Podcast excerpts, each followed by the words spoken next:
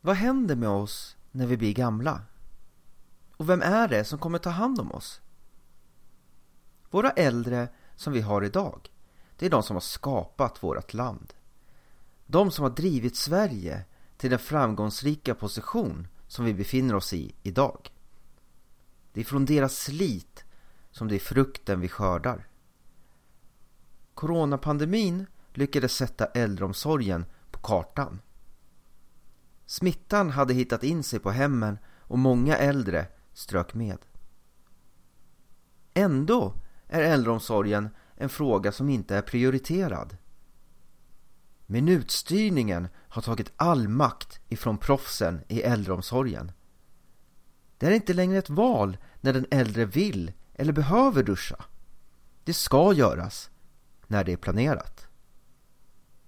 Dessutom är det svårt att veta vem det är som ska ta hand om våra äldre.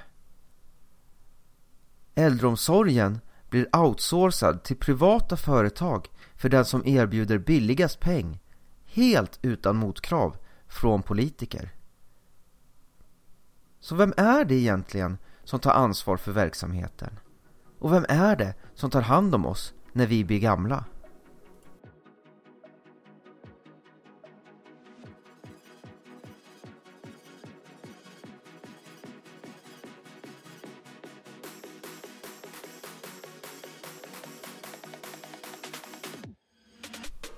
Du lyssnar på Välfärdspodden med Alexander Skytte och Linnea Lindqvist. I det här avsnittet kommer vi prata om äldreomsorgen.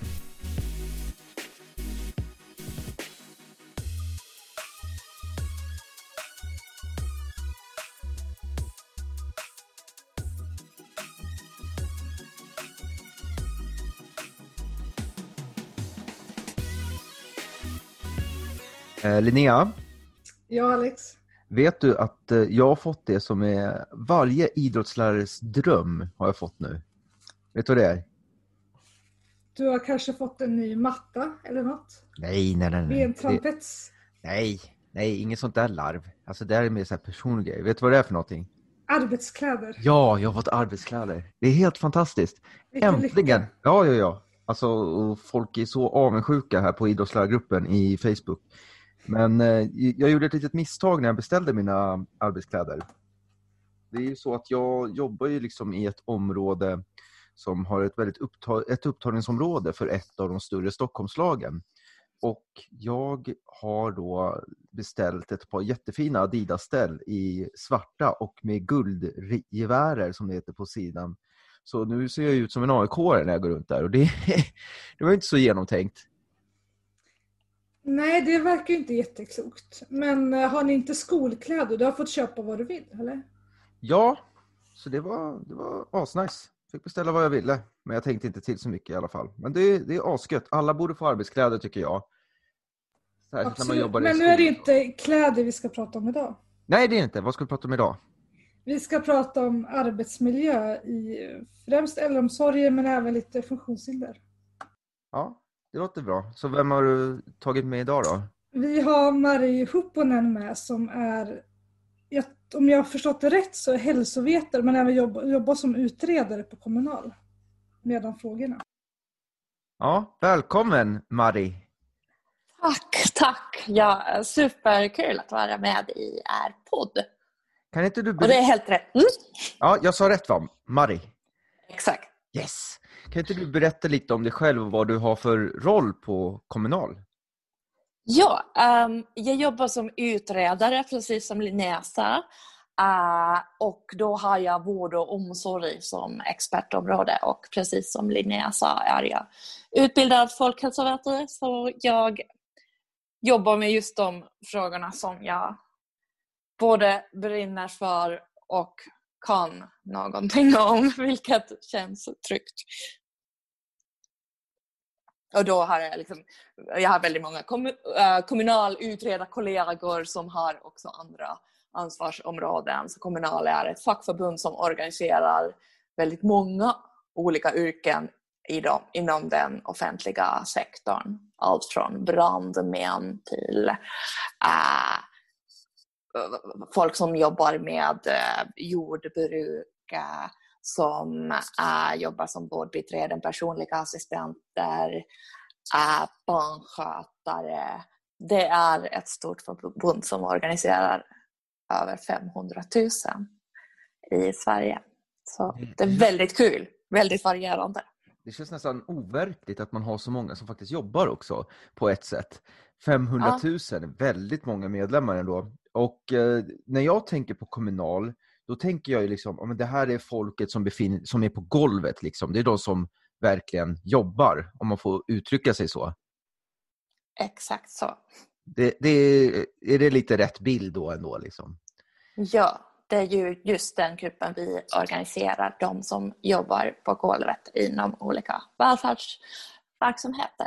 Ja, för det är, det är ju kommunal, det står väl för kommunal verksamhet också gissar jag, eller? Ja, exakt. Och sen efter 90-talet har ju liksom en större andel av den kommunala arbetsmarknadsområdet eh, utförs av privata företag också, så det finns också privata arbetsgivare som är vårt uh, motpart.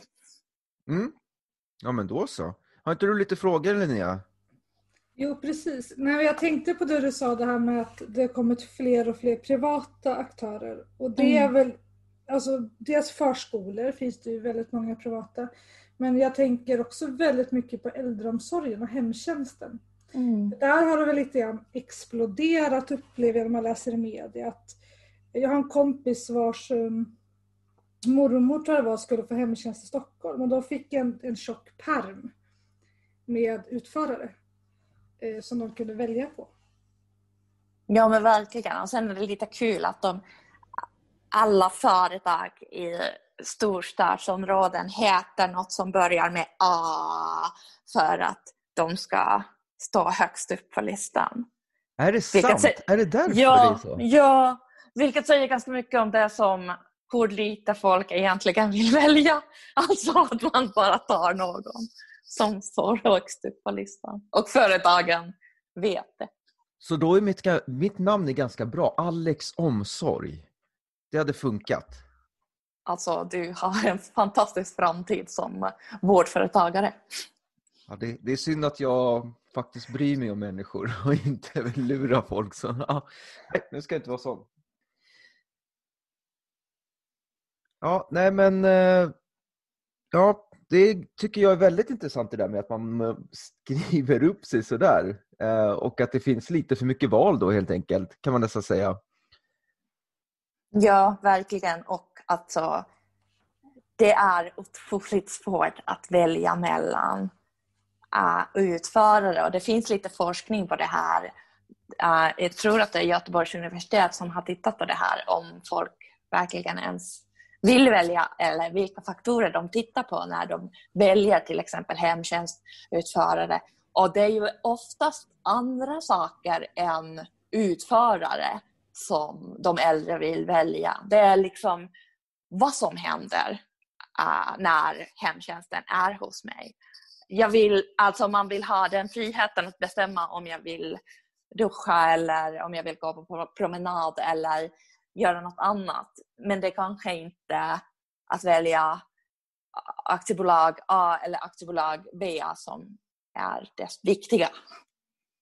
Det är också otroligt svårt att uh, göra jämförelser mellan olika utförare för att det som ni vet, ni som brinner för de här eh, uh, välfärdsverksamheter, eh, uh, att det är otroligt svårt att mäta kvalitet till exempel. Uh, så uh, inte helt lätt att vara konsument. Men hur upplever du att arbetsmiljön har förändrats sen alla de här privata kom in på vårdmarknaden? Ja, för de som det... jobbar, för jag tänker, äh, nu har, jag nu har ju många, alltså de här företagen finns så det är många som jobbar. Är det, an, är det försämrade arbetsvillkor? Alltså hur, hur är arbetsmiljön för de som, är det fler timanställda till exempel? En i kommunal verksamhet? Ja, det är så. Nu är det lite olika för att inte, uh, det är inte som primärvården eller skolan. Uh, det är inte obligatoriskt för en kommun att införa till exempel lagen om valfriheten. Uh, så de, kommunen får välja om de har, om de liksom privatiserar genom uh, lagen om offentlig upphandling eller har LOVen. Eller de får också välja att driva äldreomsorg i egen regi. Så det är liksom väldigt olika i olika delar av landet. Ah, men det som vi vet om privata utförare är att ja, de har en högre andel otrygga anställningar än kommunala utförare. Och så har det sett ut från i säkert eh, sen typ 2008 som vi har liksom hållit koll på den här frågan. Uh, och skillnaden har också ökat på senare åren. Ehm, till exempel om man tittar just på äldreomsorgen uh, hade kommunal äldreomsorg 27 procent uh, tidsbegränsat anställda, alltså alla, allt från timmisar till de som har uh, vikariat. Och uh, kommun, uh, privata utförare hade 37 procent Eh, sådana här otrygga anställningar, tidsbegränsade anställningar. Så det var 27 procent hos kommunen, 37 procent hos privata. Uh, och snittet, sen, men sen måste jag påminna att hela äldreomsorgen är ganska sjuk arbetsmarknad för att snittet för hela arbetsmarknaden är 16 procent. Så jag skulle aldrig säga att kommunen är, eller kommuner är så mycket bättre för att de är ganska dåliga på det här också. Uh, det är liksom, anställningstryggheten är inte jättebra i uh, för de grupper som Kommunal organiserar i äldreomsorgen. Oj. Och jag tror att det handlar väldigt mycket om det, att ambitionsnivån från politikernas och kanske också från väljarnas sida har inte varit superhög när det gäller äldreomsorgen. Och nu har det varit väldigt mycket snack om äldreomsorgen uh, på grund av coronapandemin. Men det har faktiskt varit ganska mycket fråga som inte är så intressant för allmänheten, vilket är lite synd. Ja, och på ett sätt kan jag se, jag kan förstå logiken med det, för det är våra äldre, eh, ja men man, man tjänar inga pengar på dem och då är det klart att det, är liksom, det blir ingen prioriterad grupp, vilket som du säger är synd, för det är mm. de som har byggt upp det här landet till stor mm. Alltså de har ju verkligen slitit, de som är våra äldre just nu. Alltså när jag, man hör historier om de jobben de har haft, när de har jobbat med järnvägen eller något sånt där. Alltså det är ju inte lätta uppdrag direkt och det är väldigt tuff eh, miljö de har befunnit sig i, något som aldrig skulle accepteras idag till exempel. Och sen tar man inte mm. hand om sina äldre. Det är, liksom, det är vedervärdigt om jag får säga det personligen. Men det som är väldigt mm. intressant här det är just att nu när Corona kom så märker man att ja, nej men våra äldre de bokstavligt talat dör på, äldreboenden för, på grund av, eller kan vara på grund av det här med otrygga anställningar. Eh, mm. Och det är ju liksom, det är ju så, det är ju bara hemskt egentligen. Mm. Nu vet vi inte liksom, vi vet inte om det är Uh, just då, jag väntar på den här coronakommissionen, jag väntar på ah, facit. Uh, det, det, är väldigt svårt att säga om det är på grund av någonting. Men absolut, det finns liksom sådana här skillnader. Att, uh, att Eh, att vissa äldrebo, eh, äldreboenden som har haft väldigt dåliga förutsättningar har haft högre smittspridning också. Jag tror att det var den här eh, enkäten som Smittskydd Stockholm gjorde redan i, um, i april om Sörmland och uh, Stock, Region Stockholm där det var liksom de äldreboenden med en högre andel ehm, tidsbegränsat anställda, sådana anställda som har otrygga anställningar som hade också ja, större men... smittspridning. Så det verkar ändå finnas någon, uh, någon sanning där, tyvärr. Och sen är det liksom det som du sa, att, alltså, att äldre dör, att äldre har jobbat så hårt och det är så sant. Men uh, äldre, äldreomsorgen påverkar också jättemycket på de grupper som vi uh, organiserar förstås. Att det är uh, otroligt jobbig uh, arbetsmiljö för uh, undersköterskor och vårdbiträden som jobbar i äldreomsorgen. Men sen är äldreomsorgen också en liksom, um, fråga för hela samhället. Liksom, det är väldigt många medelålders döttrar som uh, måste gå typ ner i arbetstid för att ta hand om sina egna äldre föräldrar så att de inte kan lita på äldreomsorgen. Så på något sätt tycker jag i alla fall att sådana här välfärdsverksamheter som barnomsorg och äldreomsorg är ja, liksom frigörelse för kvinnor på något sätt. Att om man kan lita på välfärdssystemet är det också att man kan uh, man behöver inte jobba gratis i äldreomsorgen liksom, som anhörig, uh, anhörig som tar hand om sin sjuka mamma. Och Det är väldigt intressant det du tar upp här, för du säger att det är kvinnor oftast. Då. Mm. Så det, är, det här handlar egentligen om en jämställdhetsfråga. Ja, absolut. Jag tycker att liksom en väl äh, rimligt äh, finansierad välfärd är den största feministiska frågan. Ja, men nu pratar vi väldigt mycket, man brukar säga brukare, jag gillar inte riktigt det ordet, det låter, det låter så hemskt, men nu pratar vi väldigt mycket om dem. Eh, vi vill ju prata lite om de här som eh, jobbar liksom, mm. i äldreomsorgen också. Just för de gör ju ett verkligen ett ovärderligt eh, arbete och det kan man inte trycka nog på, särskilt sådana som jobbar som undersköterskor och vårdbiträden. Alltså det är en riktigt tuff miljö som jag får höra liksom, som många gör. Och Visst är det så att det här med så här minutschema alltså, och sådana här, det, finns det delade turer också? Är jag inne på rätt spår där då? Eller hur, ja. hur ser det ut? Ja, en del av tur uh, är en sån arbetsdag där du kanske börjar jobba klockan sju på morgonen. Sen finns det några timmar mitt i dagen när du inte får någon lön. Och sen jobbar du igen på kvällen för att få ihop åtta timmar.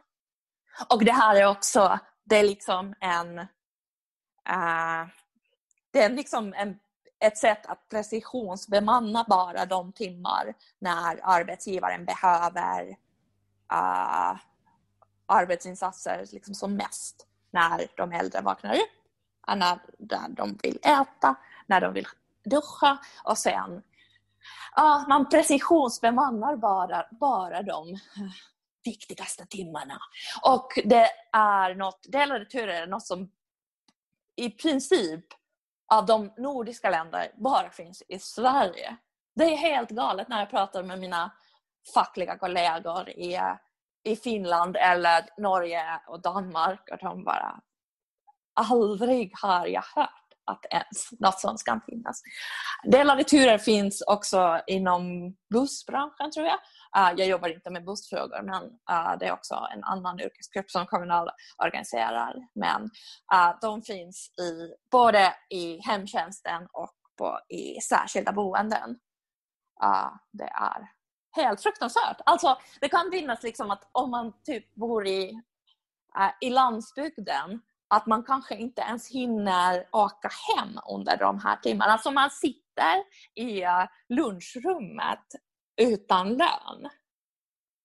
Det är, ja, det är ju inte många som skulle acceptera sådana villkor. Och det är ju då, tänker jag, för att eh, för att effektivisera. Alltså man vill inte, mm. man vill bara betala för de timmar man behöver. Ja, och det, det är ungefär som ett, man, mm. om, man, om en lärare bara skulle vara anställd på lektionstid. Absolut. Och sen är det också uh, det visar en viss syn på äldreomsorgsarbetet att bara det stressiga, bara de stressiga delarna är arbete. Det är inte att, att ha tid att prata med Agda om hur dagen har varit, kanske uh, va, ta, ta del av en, någon slags eh, yrkesutveckling, så liksom en, gå en kurs eller hinna ta en fika med kollegor. Det är inte liksom något sånt som arbetsgivaren vill betala. Så de betalar bara för uh, produktionen och inte liksom det som kanske skulle utveckla uh, dig som anställd eller skulle kanske bidra till trygghet eller kvalitet i äldreomsorgens vardag för de äldre som bor där. Ja, vi, vi pratar egentligen här om de högintensiva eh, arbetstimmarna eller arbetsuppgifterna Exakt. där. Och min erfarenhet är att om man kollar på välfärden i stort så ser man att det här ökar. Nu ska vi inte gå in för mycket i, på läraryrket, men om man gör en parallell där så ser man att många vill att om vi ska öka undervisningstiden för lärare genom att ta bort de här kopieringsgrejerna med lärarassistenter och sådana där grejer. Att de ska göra de här. Men det är ju lågintensiva arbetsuppgifter. Om man mm. bara har högintensiva arbetsuppgifter, då kommer man ju till slut gå på knäna. Och här är äldreomsorgen så med den här delade turen speciellt så märks det ganska tydligt att man har, jobbar extremt mycket efter högintensiva arbetsuppgifter. Man jagar hela tiden tid känns det nästan som också. Mm, så är det verkligen. Och det här med minutstyrning är också något som är väldigt mycket av liksom en verklighet, i, speciellt i hemtjänsten, där man kanske inte har tillräckligt mycket tid att ta sig från eh, en eh, äldre person från, till den andra. Alltså att man inte får betalt av... Uh, eller man, man får förstås betalt för att man, man jobbar, men alltså att man inte har räknat in resetid i schemat, vilket gör också att uh, dagen blir otroligt stressig. Och sen är de äldre, alltså äldre är människor med olika behov, men också en grupp väldigt sköra, sjuka människor som kanske inte, det är inte helt enkelt att duscha en dement äh, människa om man har 15 minuter. Det är kanske inte att det kan vara att just idag mår personen väldigt dåligt, är deprimerad, är ledsen, är utåtagerande, vill absolut inte duscha. Och du har fortfarande bara de här 15 minuter. Trots att du är utbildad proffs i äldreomsorgen som kanske vet hur man tar hand om en dement människa på ett tryggt och säkert sätt. Du har inte tid för det. Och du har inte heller handlingsutrymme att fatta andra beslut. Att, att det här är kanske inte, ingen dör om, om, om hon inte duschar idag. Liksom att istället skulle den här människan behöva liksom, att vi, vi dricker en kopp kaffe och pratar om varför hon är ledsen istället. Liksom att det är just den här minutstyrningen som tar all makt från uh, de som verkligen är proffs. Vilket är ganska vanligt. Det, det, är ju det som är syftet kanske med New Public Management, att man tar makten från de som kan jobbet. Ja, det var ju mm. något, något inslag på tv i, jag tror att det var i våras om det.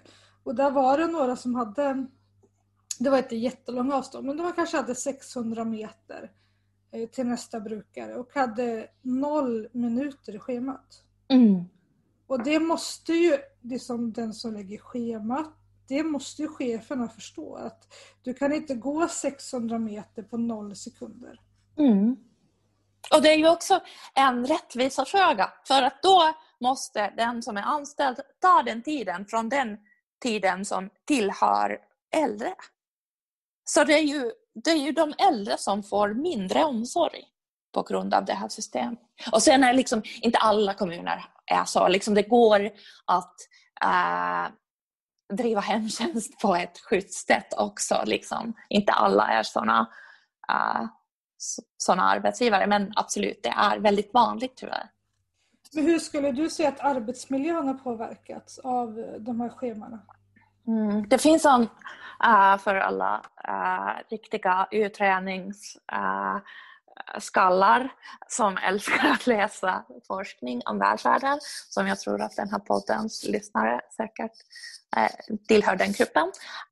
det finns en studie som heter Nordcare som Marta Zeppeli och hennes eh, kollegor har gjort den svenska delen. Och där har man tittat på hur, eh, hur stressigt det är för hemtjänstpersonalen. Och där ser man, där har man jämfört år 2005 och 2015 och äh, man ser att, under, liksom, att det blivit stressigare. Att man i hemtjänsten äh, träffar eller måste liksom, ta hand om fler Eh, uh, göra fler besök under dagen.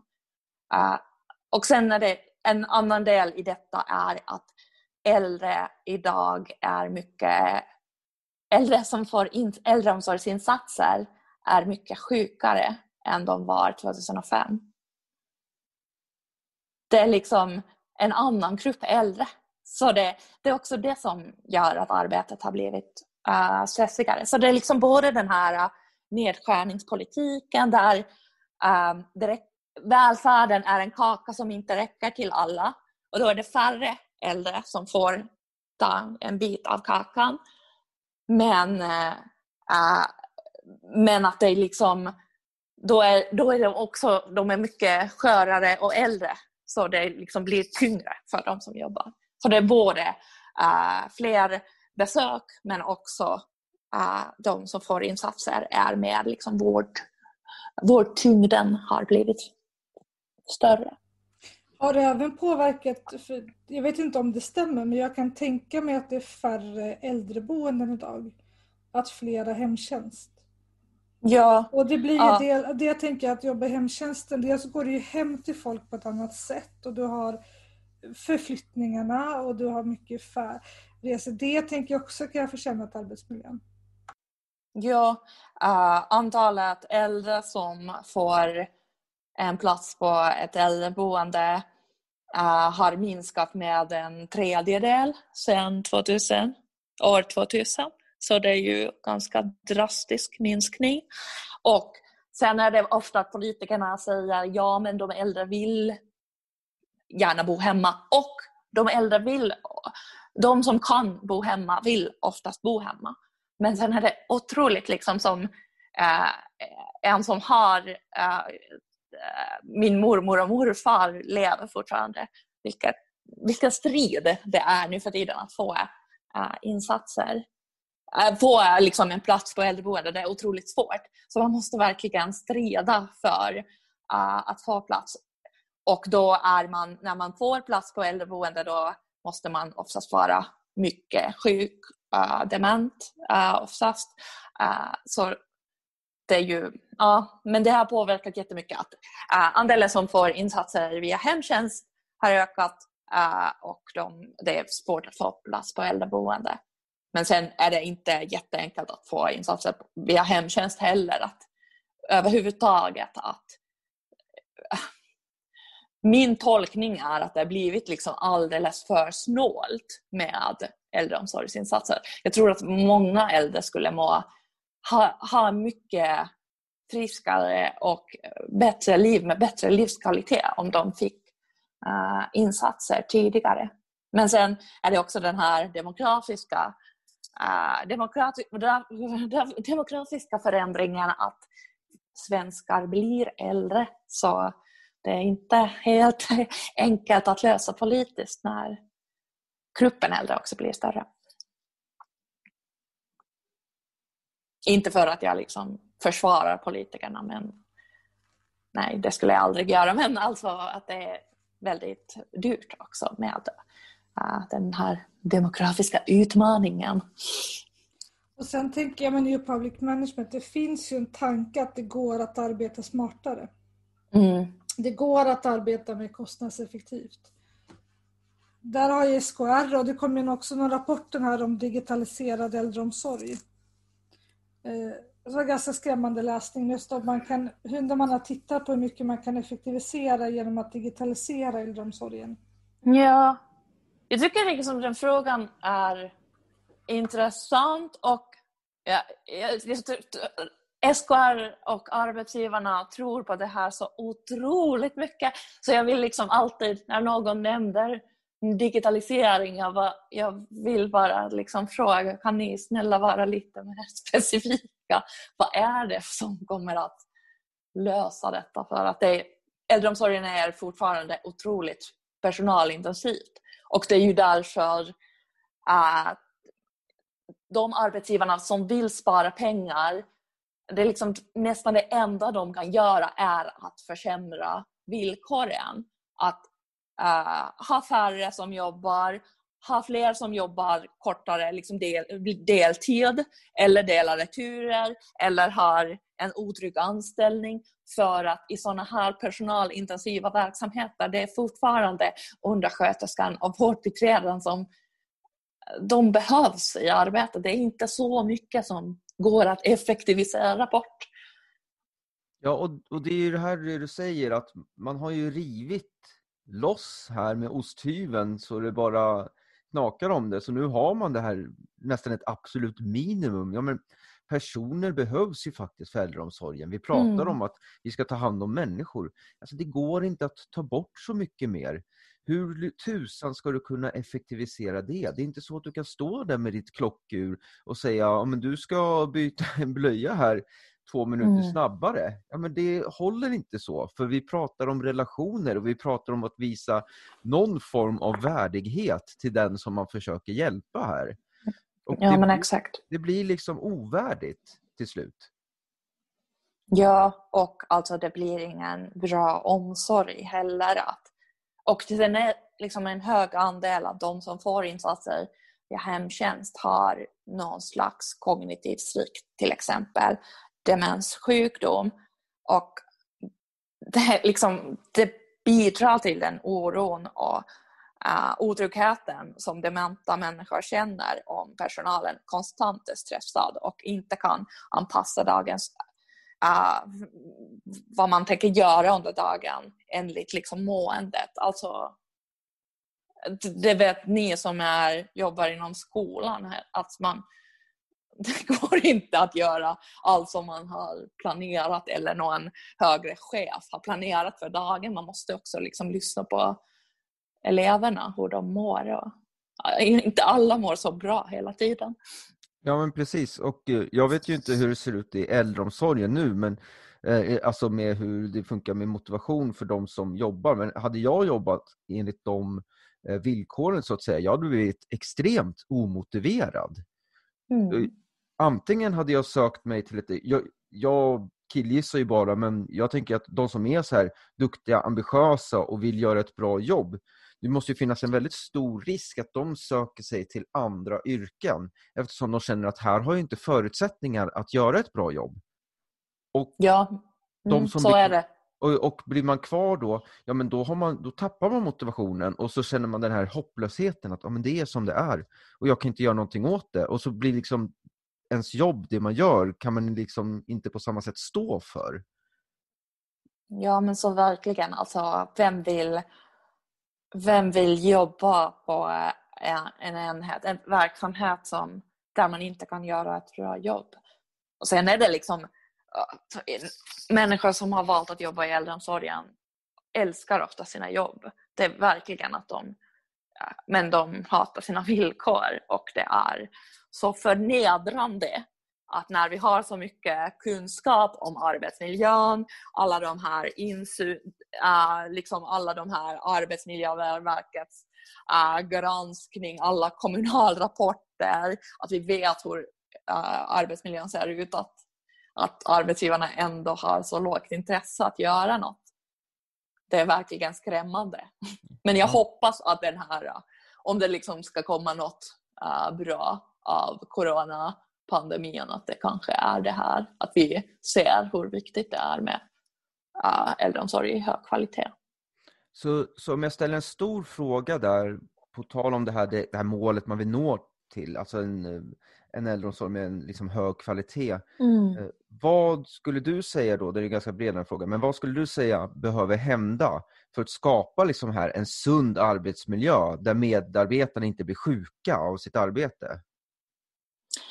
Ja, uh, bra början är att vi skulle anställa fler. Sen vill vi inte heller att vem som helst ska jobba i äldreomsorgen. Vi, jag tror att det är ju en del av det här problemet är att äldreomsorgen har haft alldeles för låg status och att um, de som fattar beslut har tänkt att det är uh, arbete som vem som helst kan göra uh, ibland eller liksom någon slags integrationsåtgärd, att man uh, jobbar i äldreomsorgen. Det är det inte alls. Alltså, det behövs fler anställda, men det behövs fler anställda som har rätt kompetens. Så liksom yrkesutbildning uh, inom vård och omsorg.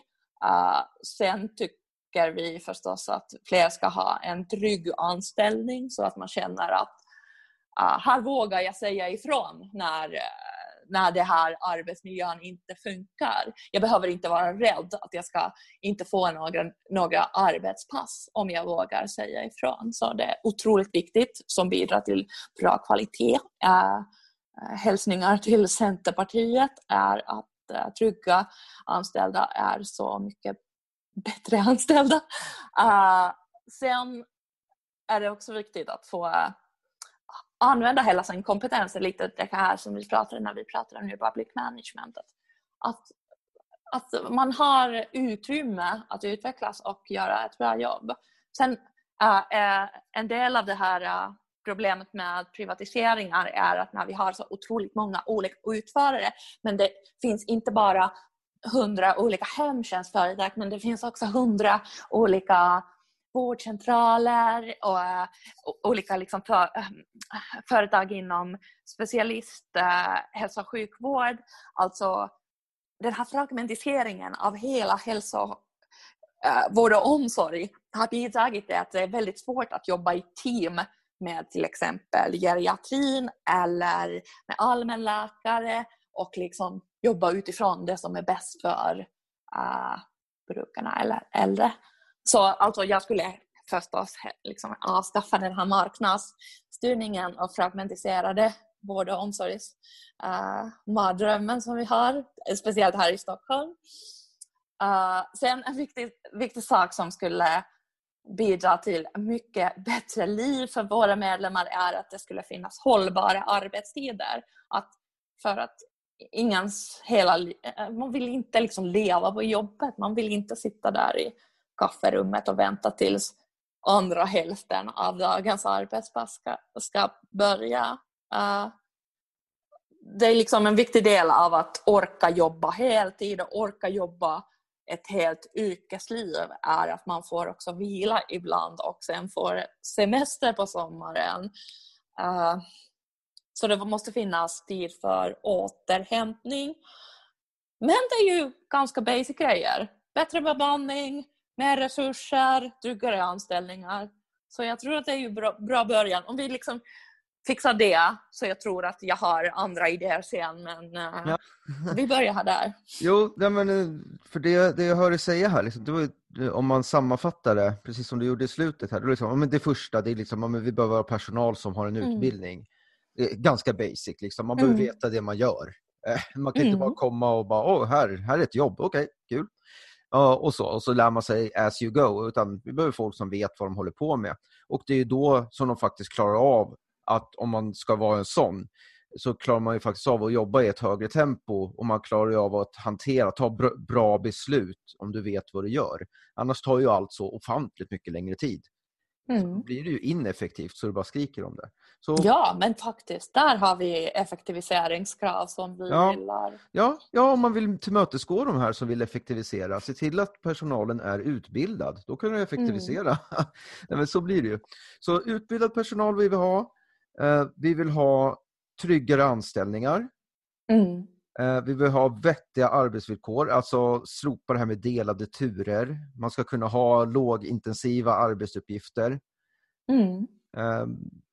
Ja, och eh, alltså, de här tre känns som grunder. Och Sen har man också det här, slopa det här med marknaden såklart. Ja, eh. gärna. Det, det var väl i princip dem. Var det någon jag missade där? kanske var någon på slutet i alla fall. Men det, det är de jag tar med mig eh, av det här.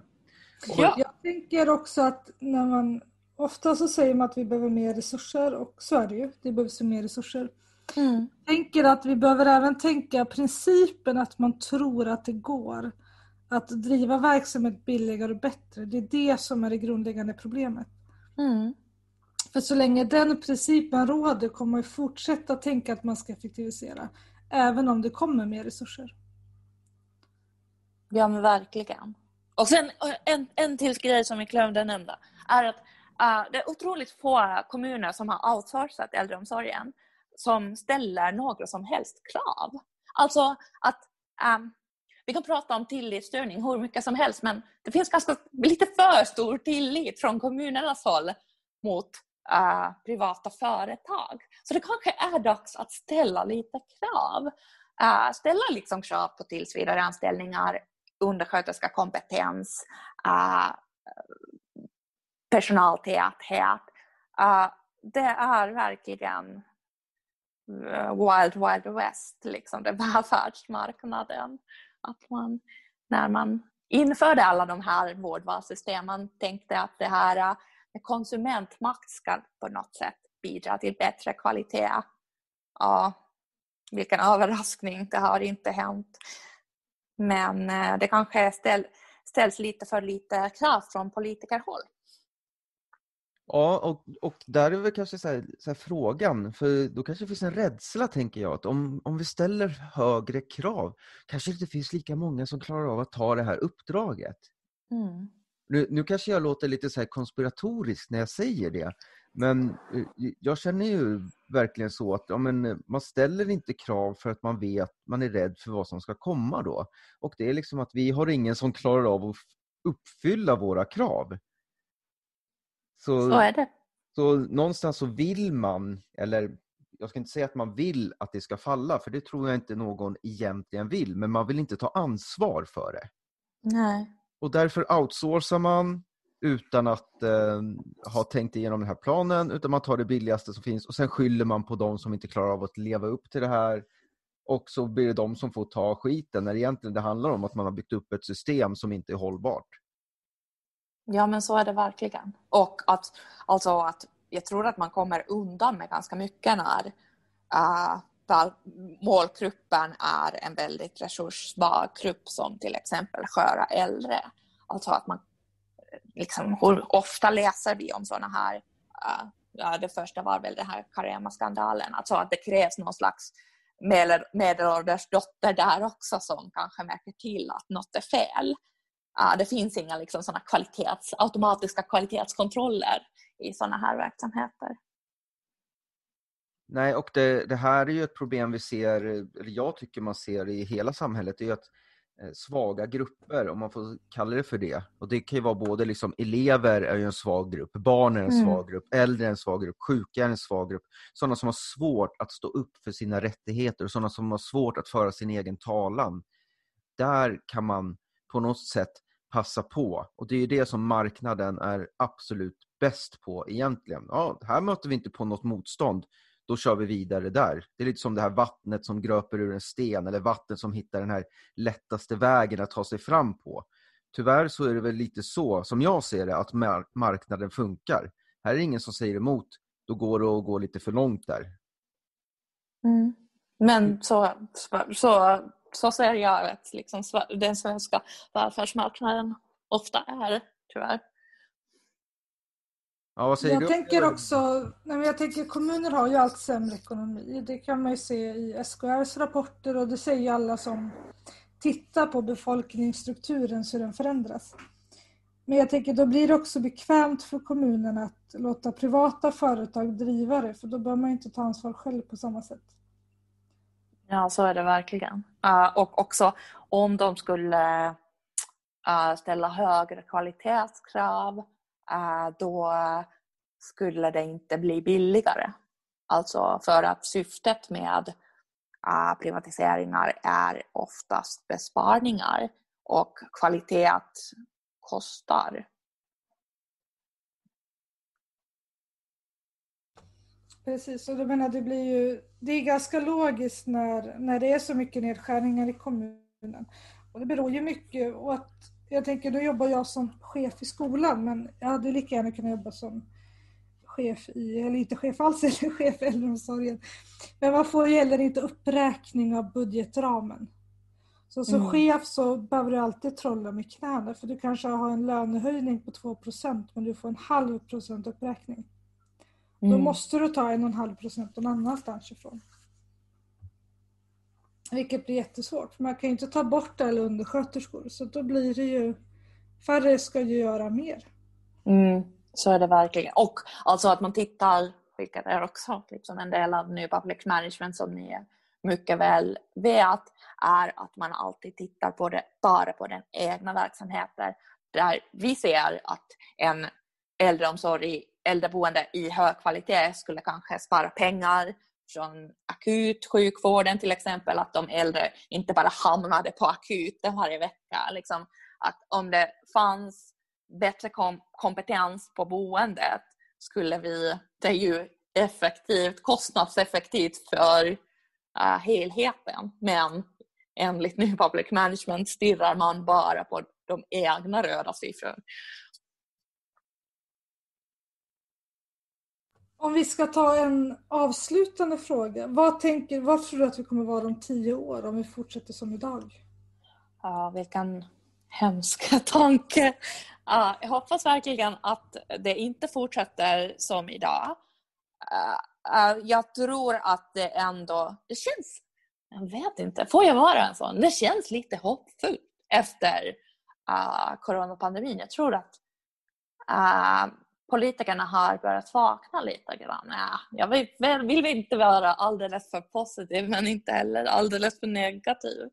Men om det skulle fortsätta som det är idag uh, ser jag en stor risk i att precis som uh, ni sa, att just att den här uh, duktiga uh, befintliga personalen som uh, kanske slutar, byter jobb. Sen när det inte finns tillgänglig äh, den personal som har en utbildning så kanske sänker arbetsgivare krav på utbildning och erfarenhet överhuvudtaget. Vilket skulle bidra till en avprofessionalisering av äldreomsorgen någon slags modell som typ östra Europa, södra, södra Europa har där en större andel uh, anhöriga tar hand om sina äldre. Uh, men också sådana här uh, grupper som eh, anställda som saknar utbildning, vilket skulle bidra till väldigt dålig omsorgskvalitet. Och sen en annan trend som tyvärr finns är det här med eh, RUT. Att, att man skulle istället för en generell välfärd börja köpa eh, omsorg. Och eh, det är ju också en hemsk tanke för att vilka, vilka som har råd att köpa äh, omsorg. Det är inte liksom medlemmar i Kommunal som har jobbat i ett helt arbetsliv.